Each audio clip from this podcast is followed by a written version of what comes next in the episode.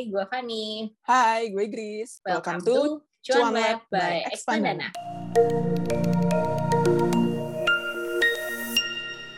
Halo teman-teman, kita ketemu lagi nih di episode baru Cuan Lab. Nah, setelah kemarin kita bahas tentang empat miskonsepsi investasi yang pertama, nih gue uh, recap ya buat ngingetin. Yeah. Nah, yang pertama nih kemarin investasi apakah cuma cocok buat yang duitnya banyak? Mm-mm. Kemudian yang kedua, apakah reksadana ini yang paling tepat buat pemula? Yep. Nah, kemudian yang ketiga, jangan taruh semua telur di dalam satu keranjang. Dan yang keempat, apakah investasi itu sama dengan melipat gandakan uang? Nah, di episode kali ini kita masih punya empat miskonsepsi investasi yang seru banget untuk dibahas dan diobrolin sama-sama. Langsung aja ya, kita masuk yang kelima. Investasi sejak dini bikin compounding effect lebih berasa. Nah, gimana Tuhan? Oke, kalau ini sebenarnya true to some extent gitu. Nah. Kalau kita investnya di saham, betul. Semakin kita beli lebih awal, terus habis itu kita diemin ya. Apalagi kalau nggak sifatnya lamsam tadi. Ya. Kalau lamsam, didiemin terus kamu nggak top up tiap bulan, ya mungkin cukup oke hasilnya dalam jangka waktu panjang. Tapi akan lebih maksimal lagi kalau kita dollar cost averaging kan tiap bulan kita tambahin lagi kayak gitu. Itu bakal jauh lebih berlipat ganda hasilnya dengan compounding effect tadi. Nah persoalannya itu tidak terjadi di semua instrumen investasi gitu. Ketika kita investasinya di obligasi ternyata itu kan nggak compounding gitu. tapi orang tuh suka lupa dan menggeneralisir gitu kan. Eh kalau di investasi itu compounding loh. Nggak semuanya gitu. Di obligasi itu kuponnya kan ditransfer ke rekening kita tiap bulan. Artinya bunganya tidak digulung lagi. Jadi itu yang perlu diketahui aja ya. Hmm. Bahwa kalau kita nge-treat obligasi itu mungkin lebih cocok kayak passive income gitu ya. Jadi kita taruh modal terus dapat yield tiap bulan dikirimin ke kita yaitu kayak passive income aja gitu emang disetorin gitu dapat pendapatan dan kita nggak ngapa-ngapain kan Iya. gitu kan cuma setor modal di awal doang Mm-mm. tapi kalau saham nah itu beneran compounding gitu Mm-mm. Jadi balik lagi tergantung instrumen investasi yang dipilih ya.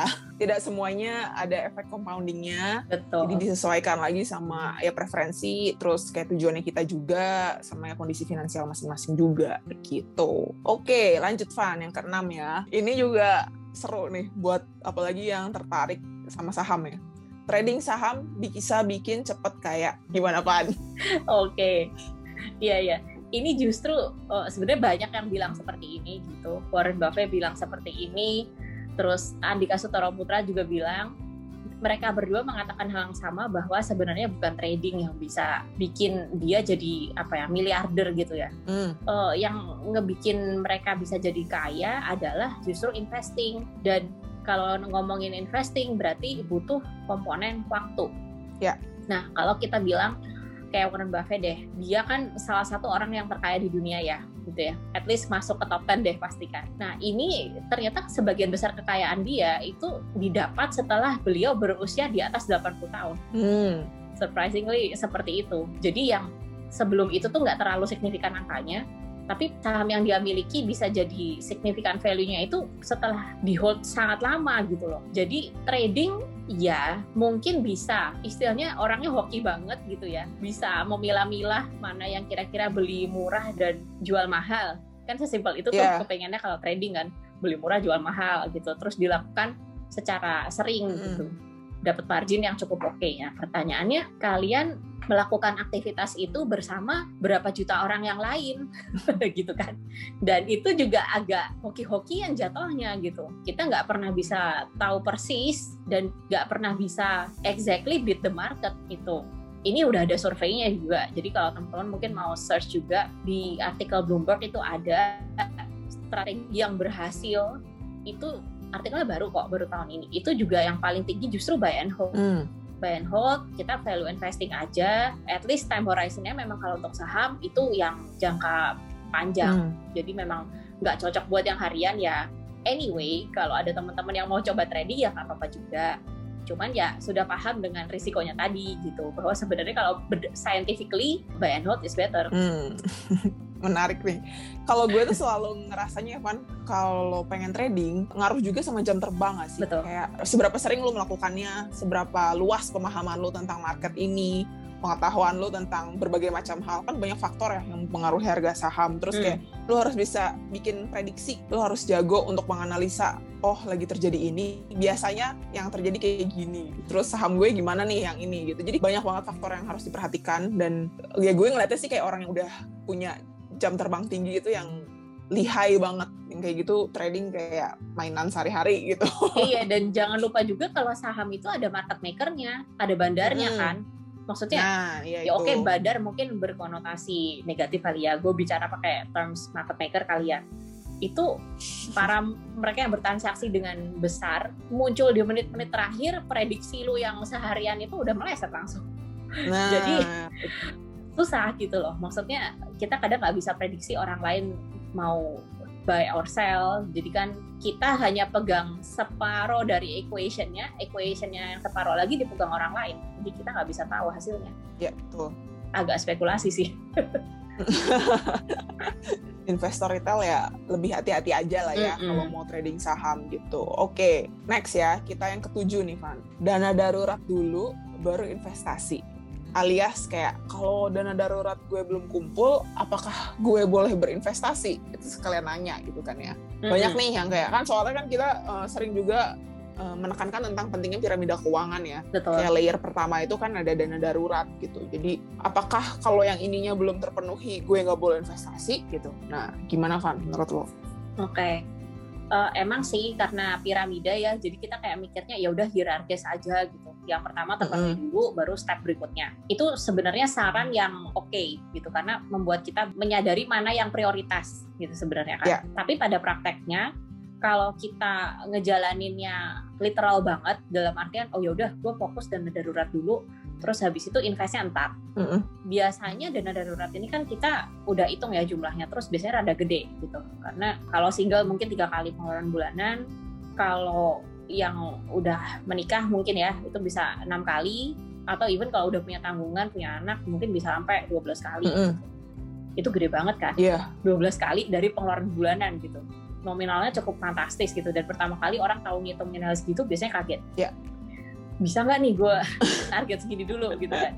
Jadi alhasil kalau itu doang yang dijalanin lu nggak mulai-mulai investnya karena cuma main lama Iya. biasanya buat memenuhi target dana darurat ini Mm-mm. jadi saran gue dua-duanya jalan barengan jadi punya alokasi untuk dana darurat masuk ke rekening terpisah dan itu nggak diganggu gugat Mm-mm. atau instrumen of your choice ya Iya, bisa RDPU juga kan betul. bukan nggak harus rekening gitu bisa yang lain bisa emas or anything yang sifatnya liquid enough ketika kalian butuh emergency bisa langsung dipakai Betul.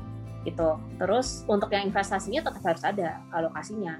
Jadi ketika melakukan perencanaan keuangan di awal basic plan-nya itu dulu gitu. Bikin dana daruratnya targetnya kalian berapa terus target keuangan eh, jangka pendek menengah panjang apa aja ditulis terus diatur. Mm-mm. ya udah prioritasnya ini ini ini mana yang mau gue capai dulu berapa persen ke sini berapa persen ke sini. Nah itu penting untuk diatur dari awal sih. Dan kalian stick to the plan ya jangan melenceng melenceng lah ya istilahnya. Karena itu kan yang komitmen itu yang susah gitu biasanya gitu kan.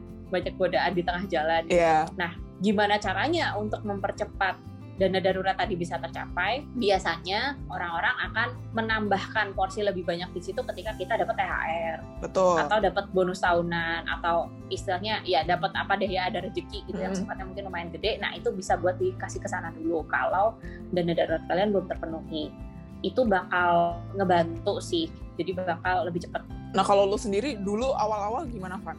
Apa kalau berbarengan juga atau at least ada dana darurat eh, satu bulan atau dua bulan terus Hmm. langsung gas Ya. investasi gitu? bener jadi yang gue lakukan seperti itu ketika kita bilang oh ya udah gue udah menikah gue at least punya enam kali deh ya gitu misalkan atau kalau lu mau extra save ya 12 kali gitu Mhm. silahkan ya itu kan sebenarnya nggak nggak saklek ya nggak mengikat yang gue lakukan ya gue sediakan dulu at least di rekening itu tiga bulan Hmm. karena kan ketika ini mikir realistis aja ya misalnya eh, source of income gue berhenti kan nggak langsung di bulan pertama gue butuh enam kalinya itu Iya betul. bener gak sih Betul. jadi gue nggak langsung butuh jebret enam kali at least gue punya yang di depan banget tuh mungkin tiga kali lah gitu kan tiga kali tuh udah cukup aman atau tiga kalinya mau dibagi lagi juga nggak apa-apa kayak misalkan yang sebulan ada di rekening yang satu bulan lagi ada di DPO karena mungkin returnnya lebih bagus dari rekening kan. Terus sebulannya lagi ada di emas misalnya mm -hmm. seperti itu. Mm -hmm. Itu pun juga nggak apa-apa gitu. Jadi nggak ada role yang harus banget diikutin dalam hal pemilihan instrumen tadi sih. Yeah. Nah baru sisanya ya kita jalanin barengan nih kayak plan yang tadi. Mm -hmm. gitu. Nah, itu bisa jadi uh, salah satu inspirasi buat teman-teman cuan lab yang dengerin nih. Jadi bisa dibagi-bagi karena semuanya toh nggak dibutuhkan dalam bulan yang pertama itu juga. Uh -uh. Tapi again balik lagi ya kondisi darurat orang beda-beda itu kan tadi Betul. yang Fanny bilang kan kayak source of income ya tapi kita nggak bisa kalau misalkan mungkin buat teman-teman yang kayak nanggung orang tua kali ya itu mungkin harus lebih dana daruratnya harus lebih dijagain juga karena kita nggak tahu hmm. barangkali orang tua kenapa-napa butuh biaya pengobatan segala macam mungkin lebih gede kalau misalkan kita nggak punya asuransi gitu kan ya jadi kalau situasi masih tertentu besarnya dana darurat harus dijagain juga dan pilih taruhnya di instrumen yang gampang dicairin gitu. Oke, nah ini yang terakhir Van. Apakah beli rumah sama dengan aset? Oke, ini kan bagus banget karena dibahas juga ya di bukunya Rich Dad Poor Dad itu mm -hmm. dan mungkin banyak juga yang baca dari sana juga yang udah tahu ya tapi anyway kita bahas juga nih di sini ya jadi orang tuh apalagi orang dulu suka banget ngasih tahu udah kalau punya duit dibeliin rumah aja Betul. rumah aja Betul. itu kan kayak ya kan persepsi dari ortu kita terus diturunin ke kita nih uh -uh setelah kita terpapar dengan literasi finansial dan uh, apa ya pencerahan dari Opa Robert Kiyosaki ini juga ternyata kita ngerti bahwa tergantung mm -hmm. jawabannya tergantung mm -hmm. kalau rumahnya kita beli terus kita tempatin dan itu juga tergantung dari lokasi dan juga waktu kita membelinya ini nanti gue bakal cerita karena di pengalaman gue pahit nih Nah, gimana? nah, ya, itu okay.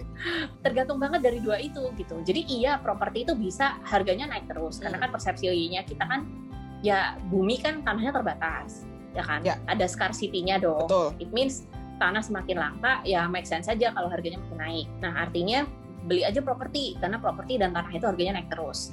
Balik lagi tergantung lokasi dan waktu kamu membelinya gue kasih contoh gue beli rumah ini yang gue tempatin sekarang itu posisi ketika perumahannya mengumumkan bahwa dia sudah ngebangun sekolah oke okay. jadi ini kan kompleks nih mm -hmm. kayak klaster gitu ya terus ada sekolah nih dan sekolahnya juga cukup mentereng lah gitu hmm. istilahnya harganya udah naik jadi ketika gue beli itu istilahnya nggak murah oh, oke okay. jadi itu faktor lokasi nah timingnya lagi ketika gue ngelihat rata-rata inflasi 10 tahun gue beli itu ketika inflasi itu pas peaknya pas tinggi tingginya jadi alhasil gue pas nggak hoki aja gitu hmm. jadi bunga KPR-nya tuh juga pas lagi tinggi tingginya hmm. ketika gue lock kontrak KPR itu hmm. kalau gue beli setahun kemudian harusnya bunga KPR yang gue beli bisa separohnya. Wow. Bayangin tuh, kalau gue tunda setahun, gue bisa ngirit jauh lebih banyak. Oke. Okay. Jadi itu perlu dipertimbangkan menurut gue ya, hmm. berdasarkan pengalaman gue sih seperti hmm. itu. Hmm. Location lo, kalau emang bagus ya, of course pasti harganya naik. Jadi make sense sih sebenarnya buat investasi. Nah tapi timingnya ini juga pengaruh dan juga hoki juga sih.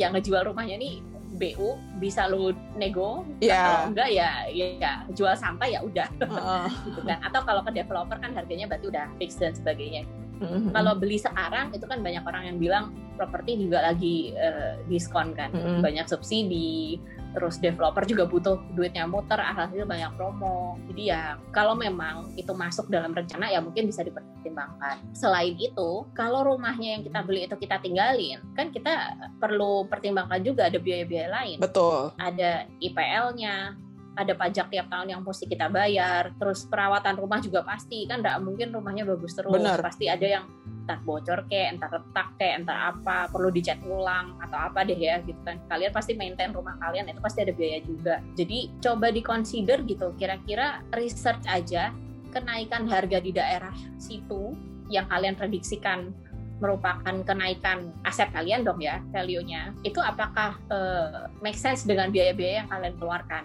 gitu. Jadi perlu dihitung lagi sih kalau menurut gue. Kalau menurut tuh gimana? Gue tuh kayak kalau gue Van gue tuh merasa lebih baik disesuaikan juga sama kondisi finansial masing-masing sih. Dan memang ada pressure dari generasi sebelum-sebelum kita untuk kayak ya anak muda harus beli rumah segera segera gitu. Hmm. kalau ada duit beli rumah gitu. Cicil aja cicil aja tapi perlu kita mention juga kalau kondisi zaman dulu dan zaman sekarang kan beda gitu. Beda. harga-harganya beda juga loh gitu kan. Jadi mungkin orang dulu bisa beli rumah dengan income segitu gitu kan. Misalkan tapi kalau di compare hmm. dengan yang sekarang income segitu jadi sekarang terus harganya tapi melambung lebih jauh gitu dan kebutuhan orang makin banyak gitu kan. Terus misalkan kalau dulu kayaknya nggak perlu ada barang ini barang itu kalau sekarang kayaknya kita kayak butuh ada ini ada ini ada itu ada itu. Jadi kayaknya nggak bisa di compare gitu kan nggak bisa di compare sama uh, generasi-generasi sebelum kita. Jadi menurut gue nggak perlu memaksakan diri juga kalau misalkan memang oh timingnya belum pas nih gitu. Kondisi finansialnya mm -hmm. juga belum pas jangan dipaksakan. Karena memang ya rumah emang aset. Tapi aset ini apakah kalau misalkan kitanya belum siap malah jadi mencekik leher sendiri gitu loh Pak. Kalau menurut gue gitu. Bener, gitu. Bener. Jadi ya emang perlu hati-hati juga karena ini kan nilainya gede ya. Jadi hmm. jangan terburu-buru apalagi wah sekarang properti lagi murah gitu. Langsung sikat gitu. Tahu-tahu tahun depan apa income-nya masih sama kan belum tentu gitu jadi eh, iya. jadi kita perlu hati-hati juga gitu sementara kondisi ya kita sama-sama tahu kan sekarang masih pandemi variannya corona pun makin beragam jadi vaksin pun kita pun belum dapat nih kami dan gue dan Fani iya. belum dapat jadi consider lah beberapa faktor-faktor lain juga iya. gitu sih beli properti kan kayak kontrak jangka panjang iya, ya betul kalau KPR betul, betul. kalau lu uh, berlebih dan lu bisa beli dengan hard cash pada masa-masa saat ini wah itu ya jelas mungkin sangat menguntungkan ya karena murah mm. dalam masa terdiskon saat ini gitu kan karena industrinya lagi susah yeah. jadi banyak diskonnya. Mm. Tapi kalau lo belinya masih dengan mencicil, mencicil. dengan KPR ya siap-siap aja karena itu kan kontrak jangka panjang mm jadi perlu dikonsider juga. Perlu dikonsider dengan ya kestabilan income kita juga gitu kan ya supaya mm nanti nantinya tidak malah jadi punya rumah tapi nggak bisa tidur. Buat bayar cicilannya kan nggak lucu juga ya. Iya dan ini lagi loh kalau buat di bawah kita apa nih? Gen Z. Y Gen Z. Mm -hmm. ya mereka punya mindset yang mungkin agak beda ya. Ini mungkin nanti kalau teman-teman yang dengerin uh, punya pendapat boleh share juga atau komen di uh, Instagram Expandana kalian tapi correct me if I'm wrong mereka berpendapat sebenarnya rumah itu tidak harus gitu loh. Jadi kayak kebutuhan primer uh, sandang pangan dan papan itu papannya itu tuh tidak harus necessarily dimiliki dan dibeli gitu. Bisa kayak hmm. yang apa sih sharing rumah gitu kan. Istilahnya itu rumah co-housing ya istilahnya ya. Mungkin kayak hmm. kosan gitu, co-living ya. Iya, hmm. co-living kayak gitu. Jadi kayak lu sebenarnya nggak wajib buat beli karena kalau lu beli kan lu harus sedia capital gede banget di depan kan. Iya. Entah buat DP-nya kayak atau apa. Itu duit kita ngomong opportunity cost nih. Ya. Itu kita taruh di instrumen investasi yang istilahnya mungkin lebih returnnya lebih meyakinkan dan lebih uh, pasti mungkin ya karena kalau ngomongin properti kan returnnya juga nggak pasti sebenarnya mm -hmm. tergantung market juga kan mm -hmm. ya mereka akan menimbang seperti itu mm -hmm. sebenarnya perlu mm -hmm. perlu nggak sih gue beli rumah mm -hmm. gitu atau kalau valuesnya seperti yang uh, lifestyle-nya nomaden yeah. gue pindah mulu mm -hmm. gue ngapain beli rumah misalnya ya jadi tergantung balik ke orang masing-masing lagi sih gitu. Itu ngomong nomaden gue jadi mikir, ini kan kita sekarang culture kerjanya aja udah work from home kan. Maksudnya for some people nggak mm -hmm. semua, tapi mm. sebagian kan ada yang ya udah remote working aja gitu, nggak mesti mm nongol di kantor.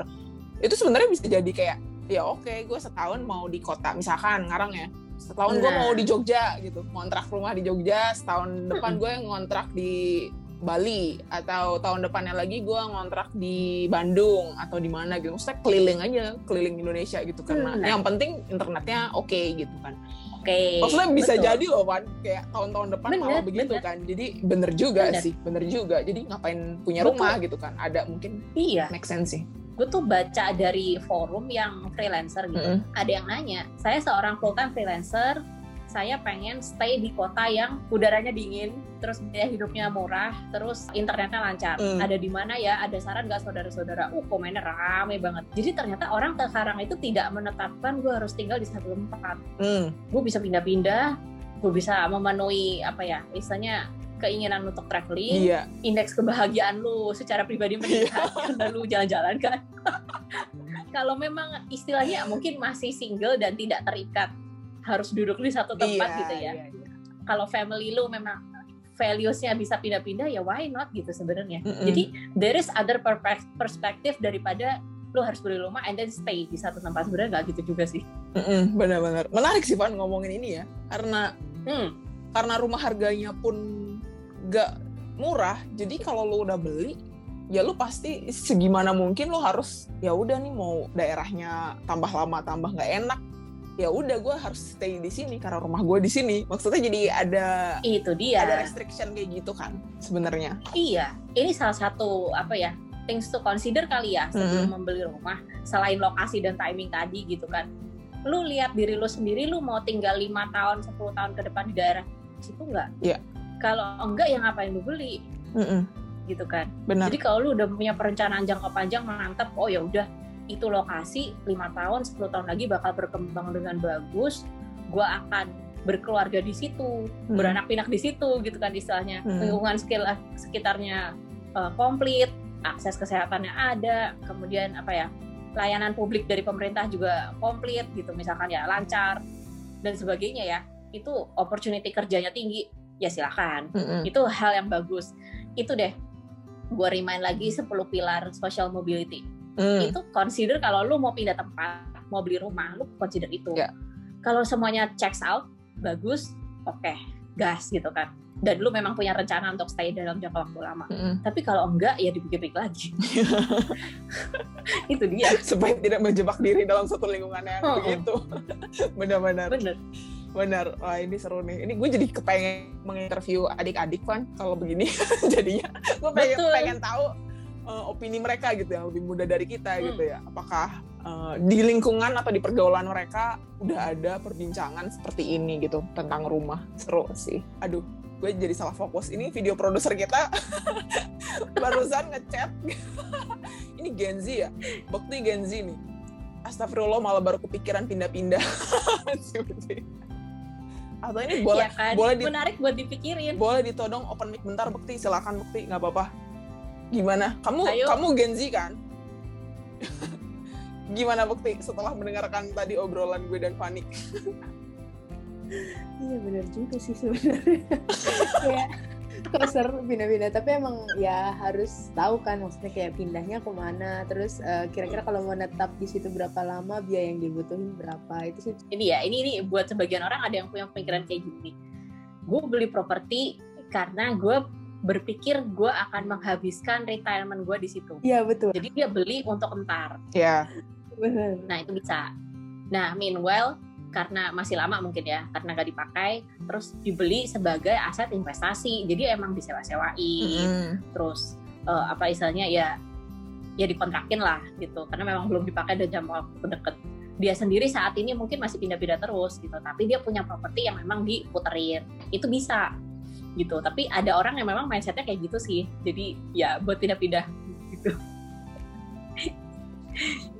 Kayak kita tuh ini sekarang 2021 ya kita nggak tahu nanti even lima tahun lagi lifestyle yang menjamur tuh seperti apa gaya hidupnya bakal beda kayak gimana. Jadi ya kita nggak tahu nanti ke depannya bakal kayak gimana tapi ya ada beberapa opsi yang bisa dipertimbangkan gitu. Dan balik lagi sesuaiin lagi sama ya tujuannya kita mau seperti apa kan karena kondisi tiap orang pasti beda-beda kepengennya juga beda-beda. Dan ya itu seru sih untuk didiskusikan dan diobrolin lebih lanjut nanti. Apa mungkin kita bikin episode Betul. berikutnya Van? Khusus. Buat ngomongin boleh. properti.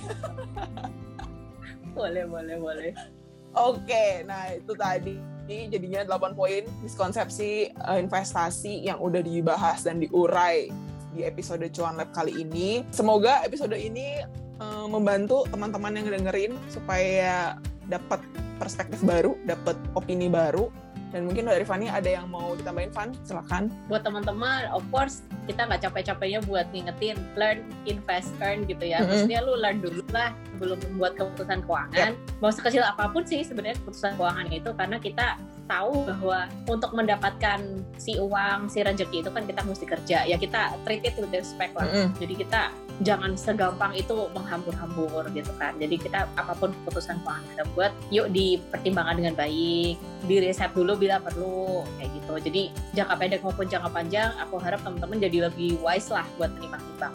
Sip, oke gitu aja di episode Cuang Lab kali ini. Thank you buat teman-teman yang udah dengerin. Kita ketemu lagi minggu depan ya. Bye-bye.